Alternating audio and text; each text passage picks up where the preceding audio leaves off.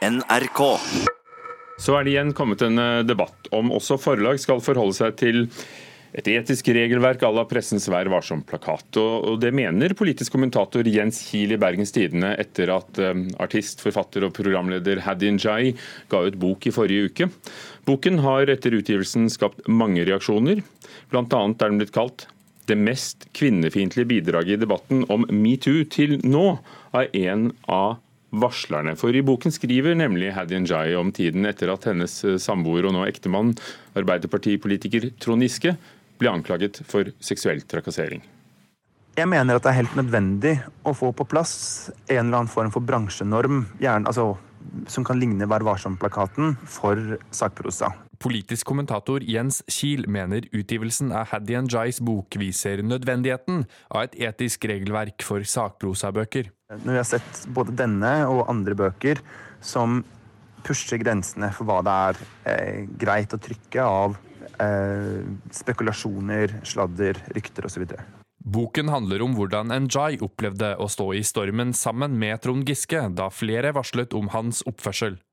Sjefredaktør for sakprosa hos Gyldendal, Katrine Sandnes, tror ikke man kan ha de samme etiske retningslinjer for bøker som for pressen. Men, men jeg er helt enig i at den typen altså etiske retningslinjer som har vært diskutert i, eh, i NFFO nå i det siste, er, er et nytt redskap for, eh, for, både forfattere og redaktører av sakprosa-bøker. Sandnes er uenig i at de har gått over noen grenser for hva som er greit å gi ut med denne boken. Når Jens Kiel sier at vi pusher grensene for, eh, for hva vi mener er greit å trykke av spekulasjoner, sladder og rykter, så er han nesten nødt til å være mer konkret.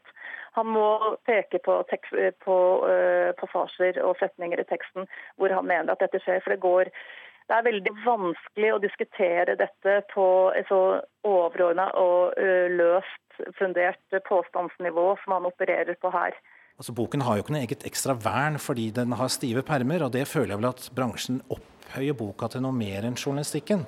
Og Det syns jeg vi nå må slutte med, i og med at vi får stadig flere og flere journalistiske bøker. Forlegger Arve Juritzen støtter Kiel i at et etisk regelverk må på plass. Bokbransjens problem er jo at de fleste redaktørene som jobber med denne type bøker, de har ikke journalistisk bakgrunn. De har eh, kunnskap og erfaringen sin fra det litterære.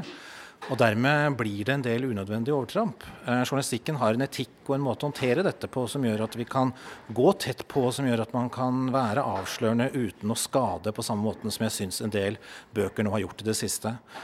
Derfor så tror jeg at bokbransjen vil ha godt av et etisk regelverk. Jeg tror ikke bokbransjen helt skjønner hva det er. De tror det er slags juridiske regler, noe man blir straffet for. Mens det jo rett og slett er en, en hjelp til å gjøre redaktørjobben når eh, det er vanskelige ting som skal fortelles i bokform. Han mener et slikt regelverk vil hjelpe redaktørene i deres jobb. Bokbransjens etiske regelverk skal jo ikke være noen lovgivning, det skal kun være hjelp for redaktørene. Jeg mener at eh, det heller ikke er noe grunn for en slags pressens faglige utvalg for bøker, hvor man dømmer overtramp. Det kan domstolen gjøre.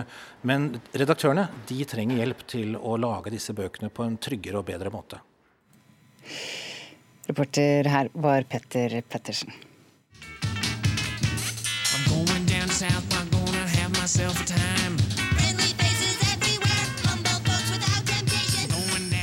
Dette er kjenningsmelodien til den amerikanske komiserien South Park. I går fjernet kinesiske myndigheter alle referanser til serien på internett. Nå har skaperne bak slått tilbake mot eh, Kina. Kulturreporter Petter Pettersen, eh, hvorfor fjernet kinesiske myndigheter eh, alle referanser til denne serien? Eh, det var i den andre episoden av seriens 23. sesong, 'Band in China', som, eh, der Kina eh, reagerte på, på, innholdet. For her gjør altså serieskaperne Matt Stone og uh, Trey Parker narr av hvordan Hollywood har en tendens til å bukke for kinesiske myndigheter, for, uh, i frykt da, for å hisse på seg politikere og bli boikotta eller nettopp sensurert. Uh, og Det resulterte, resulterte da i umiddelbar sensur fra Kinas side. Hvordan reagerer eh, serieskaperne da? Eh, Stone og Parker de har lagt ut en eh, om mulig litt syrlig twittermelding med en offentlig beklagelse, der de bl.a. spør om de er venner igjen med Kina nå. Og så vil tiden vise da om det er dette som får Kina til å fjerne sensuren. Takk, kulturreporter Petter Pettersen. Det er blitt en institusjon, Morten Krogvold fotoworkshop i Vågå. I 30 år har fotograf Morten Krogvold holdt kurs flere ganger i året. I 2680 Vågå er stedet. God morgen, Morten Krogh. Hei, god morgen.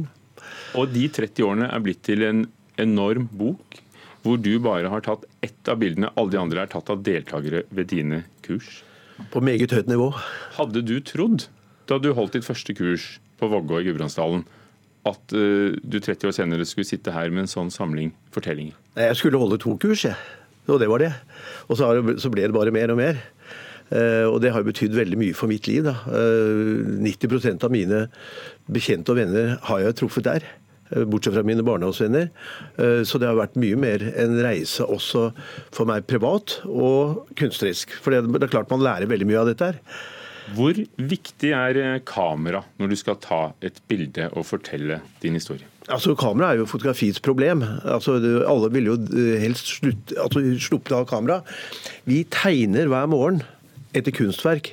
Og da tegner jo alle og tolker, og det, alle kan jo tegne. Men, eh, og da blir det privat tolkning. Men hvis jeg hadde da bedt alle ta bilde av det kunstverket som jeg produserer, så hadde alt vært likt. Så kamera er en registreringsmaskin som må bekjempes, og dyre kameraer er ikke det viktige på noen måte. Det at det er blitt lettere å ta teknisk OK bilder, ja teknisk gode nok bilder, er det en fordel eller en ulempe? Jeg synes det er en kjempefordel, fordi da må folk finne sitt eget stoff på lik linje med en forfatter. Eh, det holder ikke lenger å briljere med et teknisk bilde. Du må begynne å finne på hva, hvorfor har du det kameraet, og hva du forsøker å uttrykke. Så du må gå inn i den prosessen da, på å finne ut hvem du er og hva du ønsker å formidle. Og når du har bedt dine deltakere sende inn bilder. Og ni av ti av dem er ikke profesjonelle fotografer. Nei. De er alt fra konsulenter og bakere og tannleger. Ja, hva er det som slår deg når du ser det de sender inn? Det som slår meg, det er hva som skjer hvis man kutter ut eh, alle forstyrrelser, sosiale medier og telefoner og sånn i fem dager og går inn i en prosess og jobber 18 timer i døgnet. Hvor mye eh, folk har inni seg. Eh, og mye fantasi og mye som kan komme ut av det. Og det er veldig interessant å se hvordan folk kaster bort tiden på kål. Altså tre-fire-fem timer på nettet og sånn. For da blir det ingenting ut av det. Men vi forbyr jo alt det. Eh, på mine altså, Da du begynte, så var det ikke noe som het sosiale Nei, medier? Men, det, var veldig enkelt. De fikk ikke ringe hjem heller.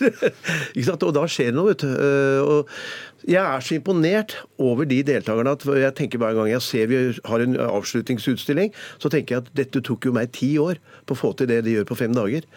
Hva skjer i det bildet du uh, holder her, som er et svart-hvitt dobbeltportrett? Det er uh, Lasse Bjørn Dossing som har fotografert et, et eldre par, eller gammelt par i Vågå.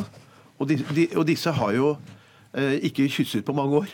Men han var jo der eh, på alle, altså fra morgen til kveld, bortsett fra undervisning, så var, gikk han igjen og igjen og igjen.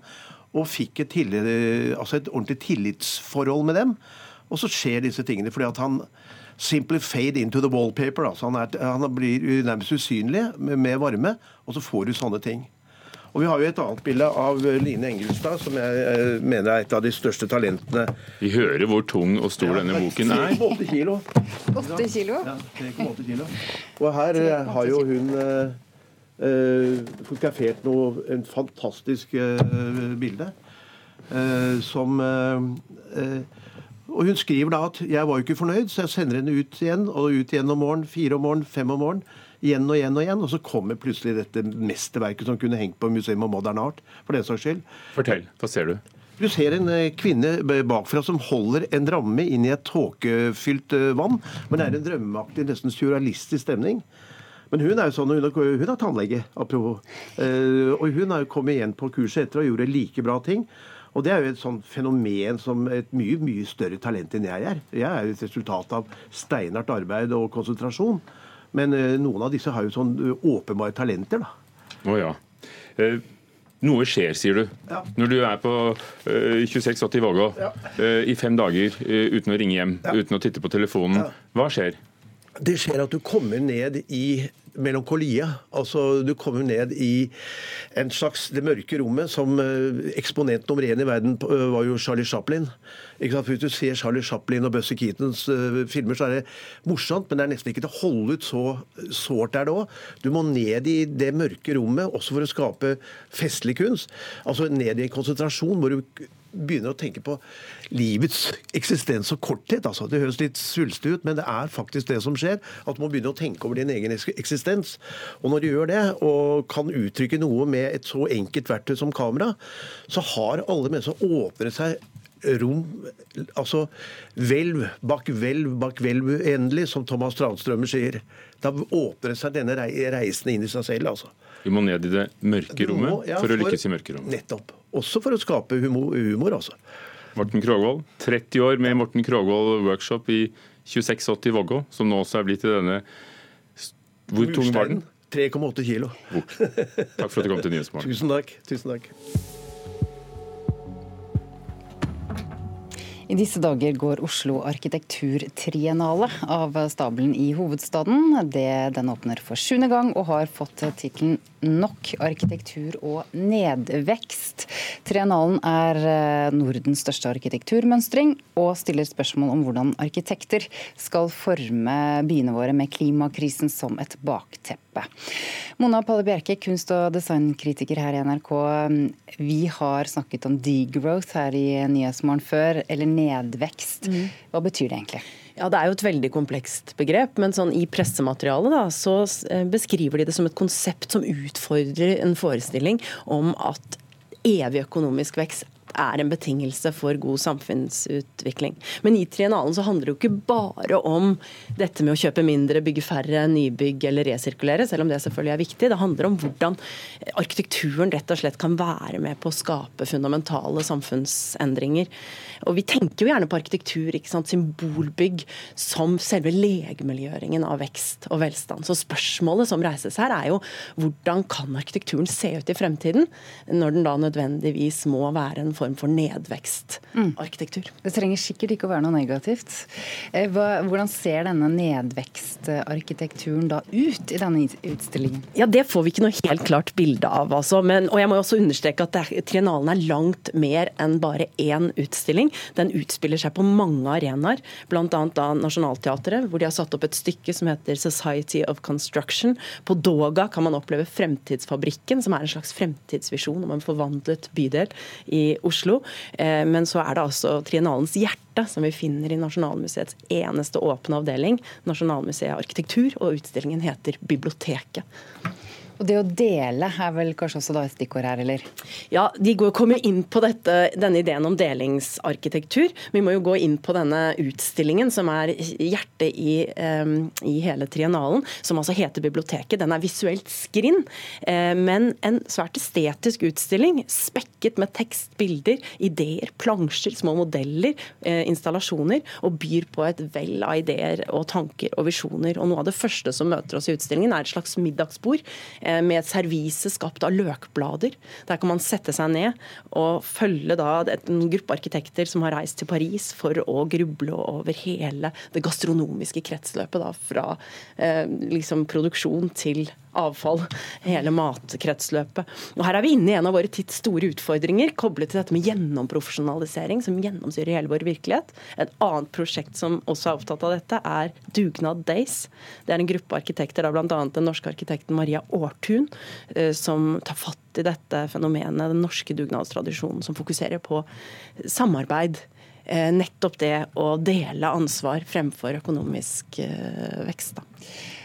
Det alle lurer på er jo eh, hva slags løsninger eh, fins eh, hvis vi skal leve mm, eh, bedre sånn klimamessig. Kommer arkitektene her med noen løsninger? Altså det, det, skisserer sikkert liksom noen, eh, ganske veldig mange ideer, selvfølgelig, men jeg tror ikke det er Triennalens ambisjon om å gi noen svar på disse uhyre komplekse problemstillingene. Snarere så går vi fra denne utstillingen med mange mange flere spørsmål enn de vi kommer med, og mange interessante perspektiver. Er det en god utstilling? Altså Vi må nesten tenke, prøve å tenke på det som ikke en utstilling, tror jeg. Heller ta dem på ordet og tenke at dette er et slags bibliotek, for det er visuelt veldig skrint. Og til å være en utstilling altså svært teksttungt. Så det krever veldig mye av eh, betrakteren. Dette er ikke en utstilling du bare kan sveipe innom. Her er du nødt til å fordype deg. Veldig mange av prosjektene består av tekstpamfletter, plansjer, bilder. Eh, og det kan av og til være litt forvirrende i forhold til hvilken tekst som hører til hvilket visuelt objekt. Eh, så, så, her må man rett og slett gå i dybden for å få noe ut av det. Men jeg opplevde at det var veldig verdt anstrengelsene å, å bruke tid i denne utstillingen.